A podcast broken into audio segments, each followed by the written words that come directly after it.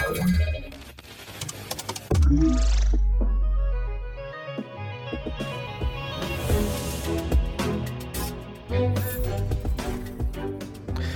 halo, tutaj Fundacja Bezpieczna Cyberprzestrzeń, podcast CyberCyper w wydaniu Raport. Kamil Gapiński, ze mną jest Piotr Kępski. Cześć, witajcie. No cóż, przede wszystkim dzisiaj mamy 26 maja.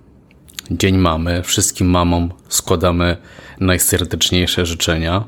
Tak, zdecydowanie ciepłe, płynące wprost z serducha e, życzenia i podziękowania za to, że wychowują kolejne pokolenia cyberbezpiecznych. A w szczególności naszym mamom, mamom no i teściowym. Tak? No tak, teściowa to też mama. Oczywiście. Nasze tematy są dzisiaj następujące. Apple łata 40 podatności w iPhone, w tym luki wykorzystywane aktywnie w realnych atakach. CERT ukraiński zidentyfikował nowy malware w sieci administracji publicznej. Klonowanie głosu jako usługa. Achrat. Legitna apka Androida przekształcona w malware. Nowe złośliwe oprogramowanie OT o nazwie Cosmic Energy. Dark Frost. Nowy botnet atakuje przemysł gier. Google usunie nieaktywne konta. Ostatnie nasze przypomnienie Security Case Study 13 września, ale przypomnienie nie jest to konferencji, ponieważ o konferencji jeszcze będziemy mówić, jest o Call for Papers. Pamiętajcie, że do końca tego miesiąca um, możecie składać, wysyłać nam swoje e, propozycje na prezentację podczas konferencji Security Case Study. Um, no, zostało 5 dni jeszcze. Także macie weekend. Macie e, weekend.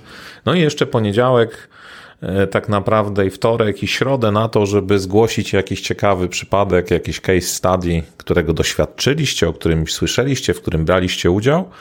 I na pewno Rada Programowa pochyli się nad nim szczególnie, e, dlatego że preferuje właśnie tego typu, tego typu tematy na tęże konferencję. Ciekawe dlaczego akurat case study? No to chyba ma jakiś związek z nazwą i z całą formułą konferencji, ale może, nie wiem, jakieś inne preferencje wchodzą w grę. Może dlatego, że najlepiej uczymy się na błędach, tudzież na naszych też sukcesach.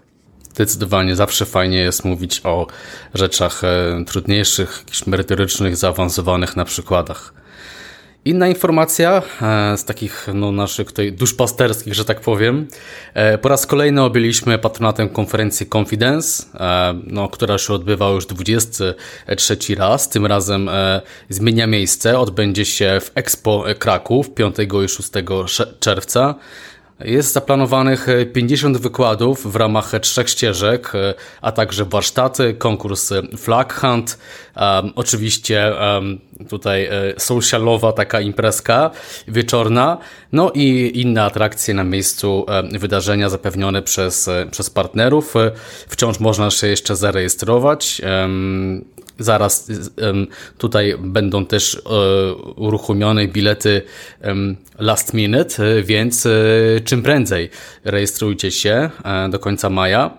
No i zachęcamy do skorzystania ze zniżki dedykowanej właśnie naszej fundacji Bezpieczna Cyberprzestrzeń.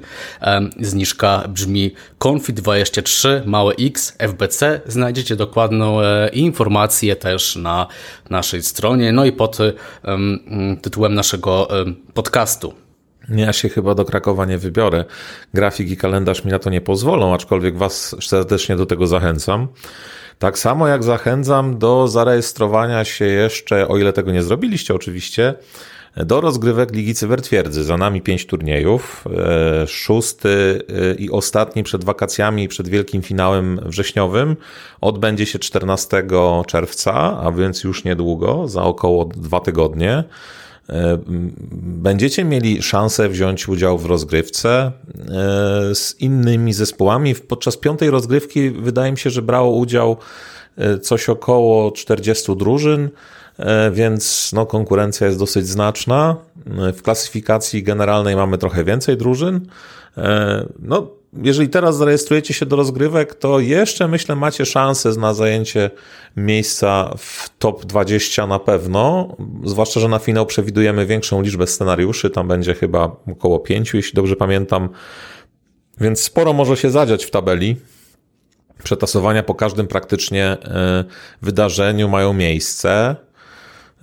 Tutaj przypomnijmy, że topowe miejsca mogą też liczyć na bezpłatny udział w konferencji tym na, naszej Security Case Study, bo podczas niej odbędzie się wielki finał 13 września, więc tym bardziej ciepło i serdecznie zapraszam do udziału w rozgrywkach, w rejestracji, zwłaszcza, że scenariusze, które dla Was przygotowujemy, to też e, świeżynki można powiedzieć, ponieważ e, E, jeśli się nie mylę, to w czwartych rozgrywkach rozpracowywaliśmy mm, atak typu supply chain compromise na dostawcę 3CX.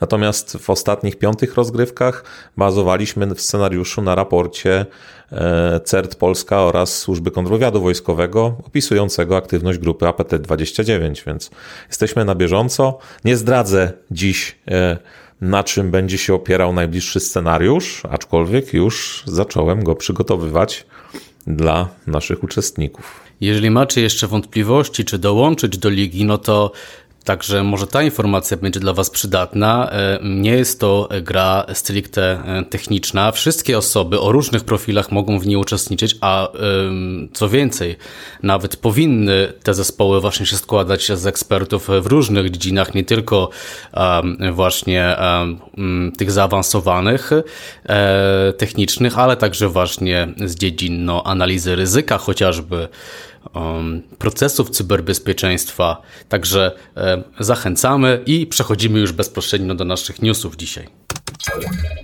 Tak, zgadza się. I mam chyba dobrą wiadomość dla wszystkich użytkowników urządzeń z logo nadgryzionego jabłuszka, e, ponieważ e, mm, Apple wydało aktualizację systemu operacyjnego iOS i iPadOS. Mamy już wersję 16,5 E, a dlaczego to takie istotne i dlaczego o tym mówimy? Otóż w ramach tej aktualizacji załatane zostało około 40 podatności, w tym takie, które wykorzystywane są w realnych atakach. I mam tutaj na myśli na przykład podatność CVE 2023 282.04, która może spowodować ujawnienie poufnych informacji podczas przeglądania treści internetowych lub podatność CVE 2023 323 73 pozwalającą na wykonanie dowolnego kodu przez spreparowaną stronę internetową oraz na przykład CVE 2023 32409 którą może atakujący wykorzystać, mm, aby zdalnie wydostać się z sandboxa web content zaimplementowanego w iOS Dwie pierwsze te wymienione przeze mnie podatności Apple łatał już hotfixem na początku kwietnia, natomiast teraz te hotfixy zostały y, dołączone do aktualizacji zbiorczej systemu. Y, ta ostatnia, o której wspominałem, to jest pierwsza aktualizacja jakby adresująca tę podatność. Mm, załatanych podatności, tak jak mówiłem, jest dużo więcej, mm, około 40, są w różnym stopniu krytyczności.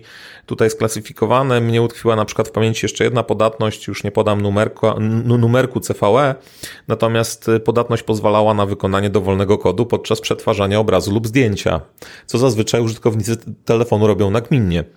E, generalnie posiadacze urządzeń mogą spać spokojniej, moim zdaniem, pod warunkiem oczywiście, że zaktualizują swoje urządzenia.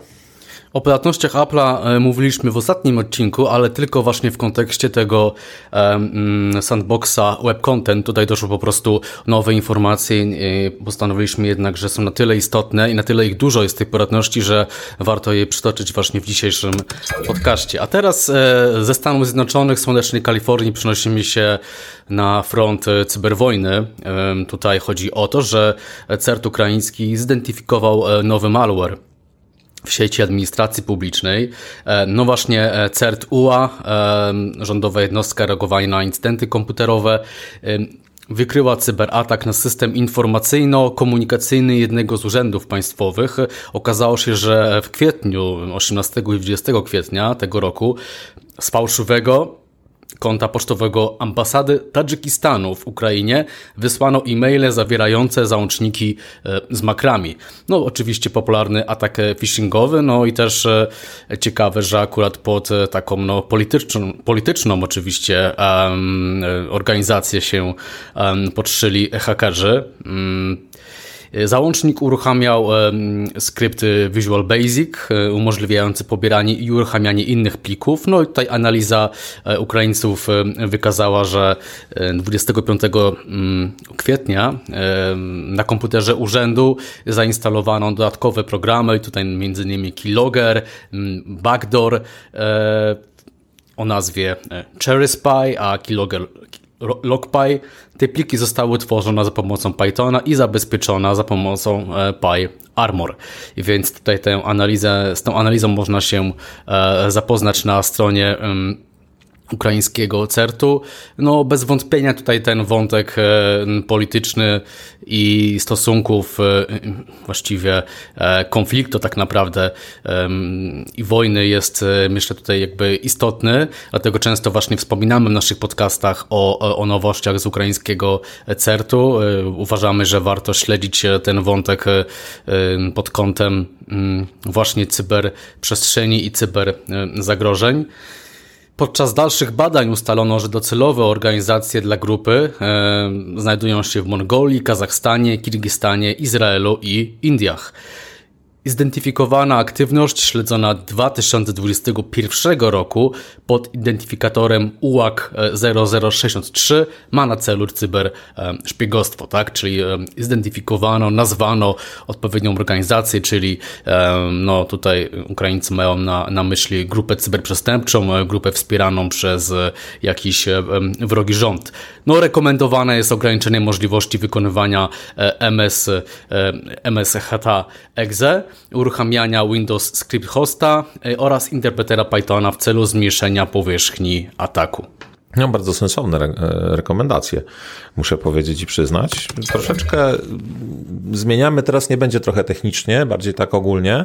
E, mianowicie firma Recorded Future opublikowała nowy raport i ostrzega w nim przed rosnącym zainteresowaniem różnego rodzaju threat aktorów platformami do klonowania głosu które bywają udostępniane jako usługi e, w dark web.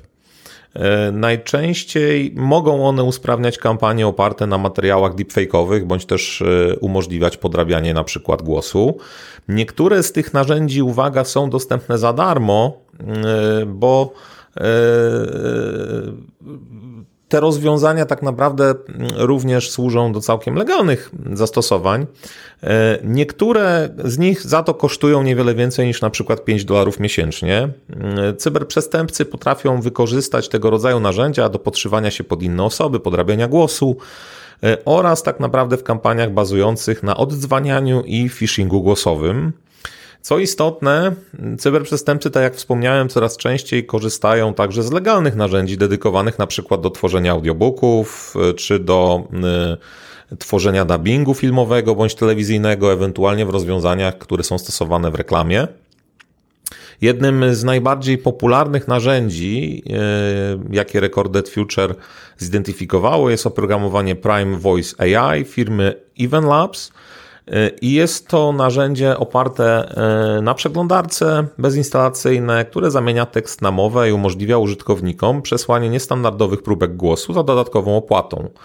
Zdaniem twórców raportu, konta posiadające dostęp do płatnej funkcjonalności tego rozwiązania są coraz częściej sprzedawane na forach dark webowych oraz stopniowo pojawiają się rozwiązania konkurencyjne, no cóż, AI jest dosyć popularnym tematem i chyba tutaj nie jest to też wielkie zdziwienie i zaskoczenie, że cyberprzestępcy również e, próbują używać tego typu narzędzi. E, tak samo jak podrabianie głosu. Zresztą Microsoft chyba chwalił się ostatnio, jeśli dobrze pamiętam, że tylko dwusekundowa próbka głosu wystarczy, żeby tak naprawdę ich AI mogło przemówić tymże głosem. Jakoś trudno mi w to uwierzyć. E, wydaje mi się, że to jest za mały. No też mi się wydaje, że. Za mała próbka, za krótka. Większa powinna być, prawda? W sensie bardziej objętościowo, czasowo, dłuższa. Być może chodzi o konkretny język. Być może. Wydaje mi się, że na przykład język polski no, ma tyle w sobie dziwnych e, dźwięków, że chociaż nie znam się tak naprawdę, ale no intuicyjnie gdzieś tam wydaje mi się, że dwa, dwie sekundy, no to trochę za mało. Widziałeś przy okazji, jak się nazywa, jak, czy jak jest skonstruowany URL e, tego newsa, który przygotowałeś? Recorded Future? E, tak, tak, tak, bo w ogóle to jest e, tytuł tego raportu. Okej. Okay. I have no mouth and I must do crime. Tak, tak mnie rozbawił po prostu. To jest po prostu świetny zwrot. No, przyciąga, przy, przyciąga oko, muszę tak, powiedzieć. Tak. Dobra dziennikarska robota. Tak, na pewno. zdecydowanie. E, teraz przenosimy się e, do Słowacji, a jak Słowacja, to wiadomo, ESET. Autorem analizy właśnie, o której, którą postaramy się streścić jest Lukas Stefanko, to jest znany e, badacz, e, bardzo znany badacz urządzeń mobilnych, e, czy zagrożeń na urządzenia mobilne z ESET-u. No więc odkryli złośliwą aplikację dla Androida, która była dostępna w sklepie Google Play i ponad 50 tysięcy instalacji dokonano tej, e, tej aplikacji. Ona się e, nazywa właśnie iRecorder, Screen Recorder. No więc e, trudno jakby ją przeoczyć, jeżeli po prostu wpisujemy do sklepu tego typu keywordy. Została ona dodana do sklepu początkowo 19 września 2021 roku, więc zastanówcie się, czy jej nie pobraliście czasami. I nie miała tej złośliwej, złośliwej mm, szkodliwej funkcjonalności i z wersją 1.3.8 e, z sierpnia ubiegłego roku dodano właśnie szkodliwe funkcje według analityków z ESET. E, no i to oprogramowanie złośliwe, tak, nazwano AHRAT. Działanie aplikacji polega na kompromitacji nagrań z mikrofonu i kradzieży plików o określonych rozszerzeniach, tak, z naszego urządzenia mobilnego. E, no i zdaniem właśnie e, ekspertów z ESET wskazuje to na potencjalne zaangażowanie w kampanię e, szpiegowską. No 50 tysięcy instalacji to jest sporo. No oczywiście nie jak idzie w milionach, tak, w przypadku niektórych, no ale to jest to taka typowa aplikacja użytkowa, więc to ten wynik jest dość duży istotny. To dobry przykład zresztą, jak początkowo legalna aplikacja może przekształcić się w złośliwą, szpiegując użytkowników i naruszając ich po prostu prywatność. ESET tutaj podejrzewa, że twórca aplikacji mógł zbadować bazę użytkowników e, przed wprowadzeniem aktualizacji kompromitującej urządzenia. No taka baza oczywiście też jest jakby cennym źródłem dla e, cyber dalszych cyberprzestępstw, ale póki co jeszcze nie, nie udowodnili tego technicznie, nie znaleźli dowodu na takie coś, to jest póki co hipoteza. E, oczywiście Google Play e, po komunikacie setowym usunął e, tę aplikację, no a jeżeli chodzi o sam e, Achrat, e, jest to modyfikacja otwartu źródłowego um, Ahmyf RAD, co oznacza, że twórcy złośliwej aplikacji najprawdopodobniej włożyli znaczny wysiłek w zrozumieniu zarówno kodu aplikacji, jak i infrastruktury, które się kryły za całą e, cyberkampanią i dostosowali go do swoich e, potrzeb. Co my rekomendujemy? No, tak jak zawsze, użytkownicy muszą utrzymywać jakby swoje urządzenia zaktualizowane. E, sprawdzajcie recenzji e, apek, które pobieracie oraz ich uprawnienia przed instalacją oraz jeżeli możecie, to korzystajcie z zaufanego oprogramowania antywirusowego. E, no, celu ochrony swoich e, urządzeń. Z tego z tym oprogramowaniem to też uważajcie, ponieważ bywa tak, że to właśnie malware się za um, oprogramowanie um, antywirusowe podszywa. Tak, zgadza się. Ja jeszcze bym dodał do tego, co Kamil rekomendował, żebyście nas słuchali, bo mówimy o tego typu e, kampaniach, a także śledźcie właśnie doniesienia z rynku aplikacyjnego Androida i z cyberbezpieczeństwa, bo pojawiają się tam tego typu newsy, tego typu raporty. Ja bym jeszcze powiedział, że tutaj mogło dojść do e, supply chain compromise, być może po prostu tożsamość e, twórcy aplikacji została przechwycona.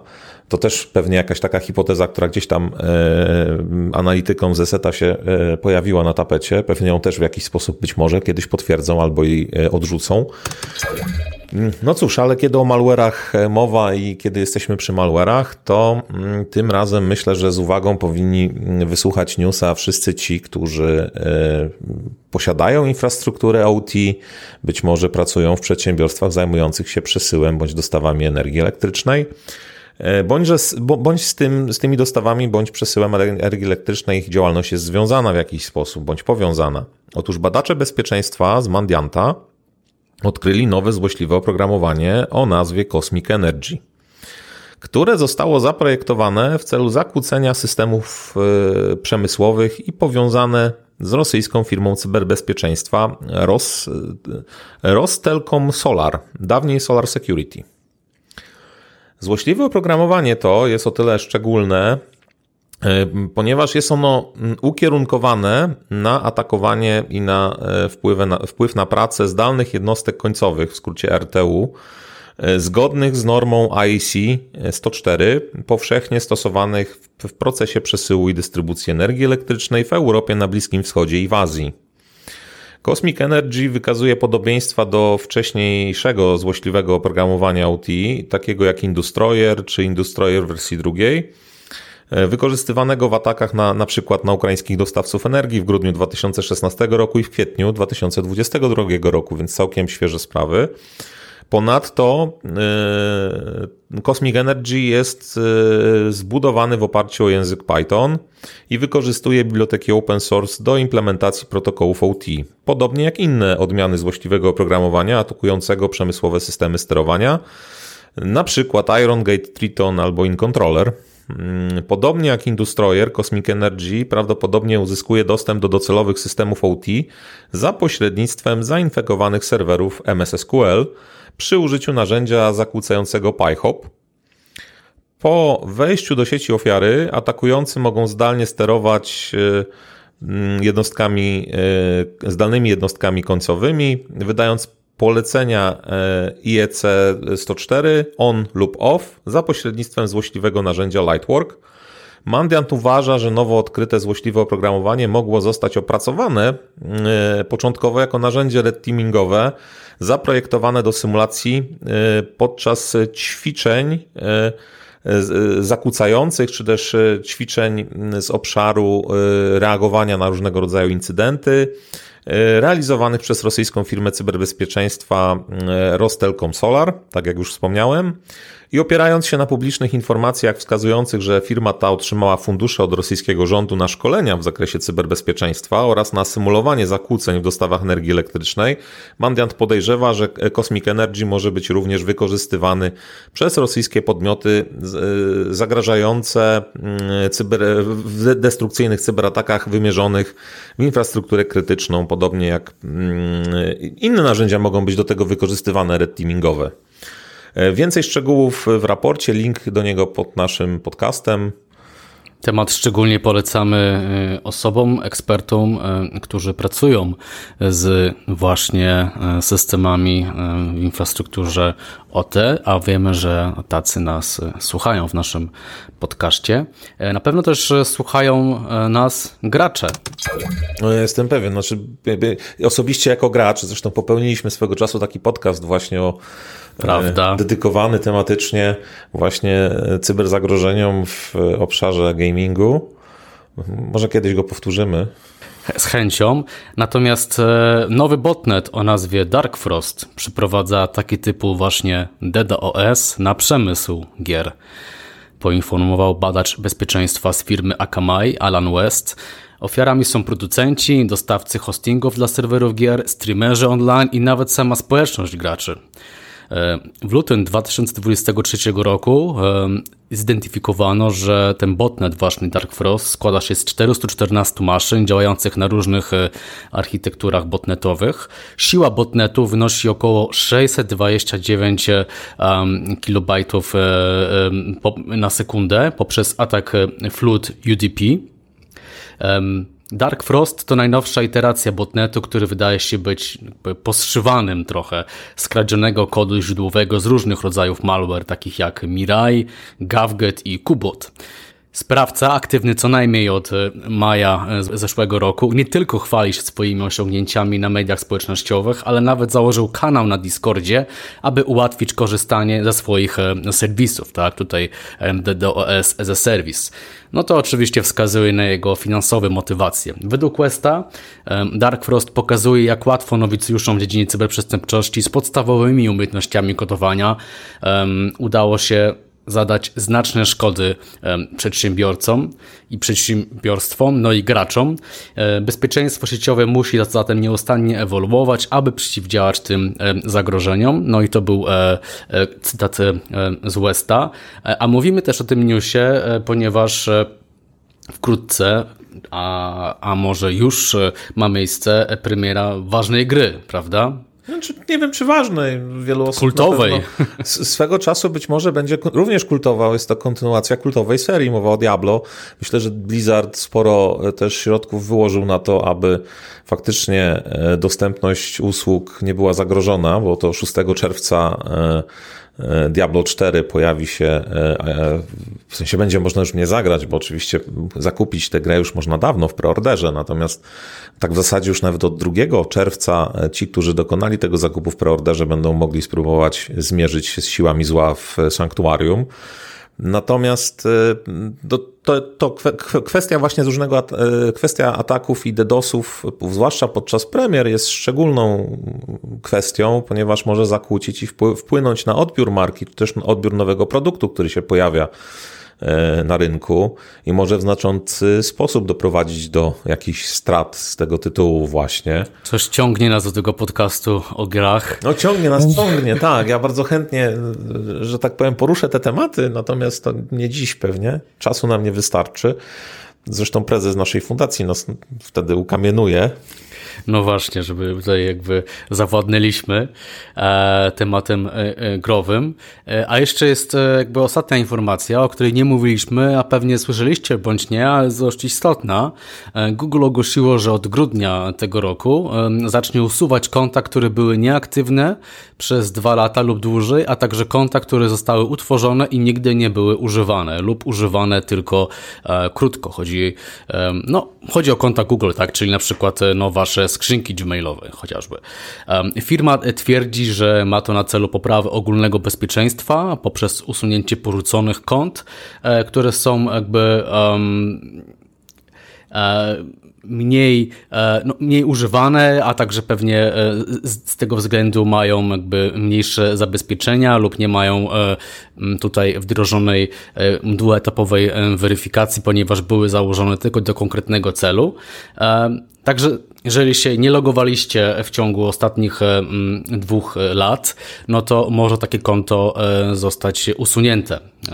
E, zmiana ta dotyczy Google Calendar, Drive, Docs, Gmail, Meet i Photos. Konta z filmami na YouTube no, są wyjątkiem od tej nowej polityki usuwania. Przed usunięciem Google wyśle wiadomości na główny adres e-mail konta i adres odzyskiwania. No, ciekaw jestem, jak długo utrzymają tę politykę, jeśli chodzi o konta YouTube. E, no, swego czasu myślę, że użytkownicy usługi Google Photos się zdziwili, ponieważ wprowadzono limit na przechowywanie danych. I myślę, że to też e, jakby jest jedna z przyczyn związana właśnie z porządkami w kontach oszczędność miejsca. Być może jakaś wielka nie będzie, ale przy tej skali kont tak naprawdę myślę, że dość znaczne oszczędności tutaj na przestrzeni są w stanie uzyskać. To był taki znany workaround, że na przykład na telefonie z, z iOS-em w ten sposób sobie skonfigurować jakby katalog ze zdjęciami, by zapisywał bezpośrednio do Google Photos by no, nie tracić tej jakby pamięci w iCloudzie, tak? Chociażby. Tak. No, no z tego czasu tak, tak. To tak. właśnie, e, to się może jeszcze właśnie zmienić. I to wszystkie newsy na dzisiaj. E, Poszło szybko, chociaż troszeczkę się rozgadaliśmy. No, jeżeli szybko, to jest pół godziny niemalże. No, jak na raz na tydzień spotkanie ze słuchaczami, to myślę, że to w miarę dobry, przyzwoity czas. Jeszcze się nikt znudzić za bardzo nie zdążył. To prawda. Chociaż dokładamy wszelkich starań, żeby nudno nie było i żeby jakby newsy były ciekawe. Podcast przygotował Piotr Kępski i Kamil Gapiński. Dziękujemy, bądźcie cyberbezpieczni. Dziękujemy, bądźcie cyberbezpieczni i wszystkim mamom jeszcze raz wszystkiego najlepszego. Cześć. Cześć.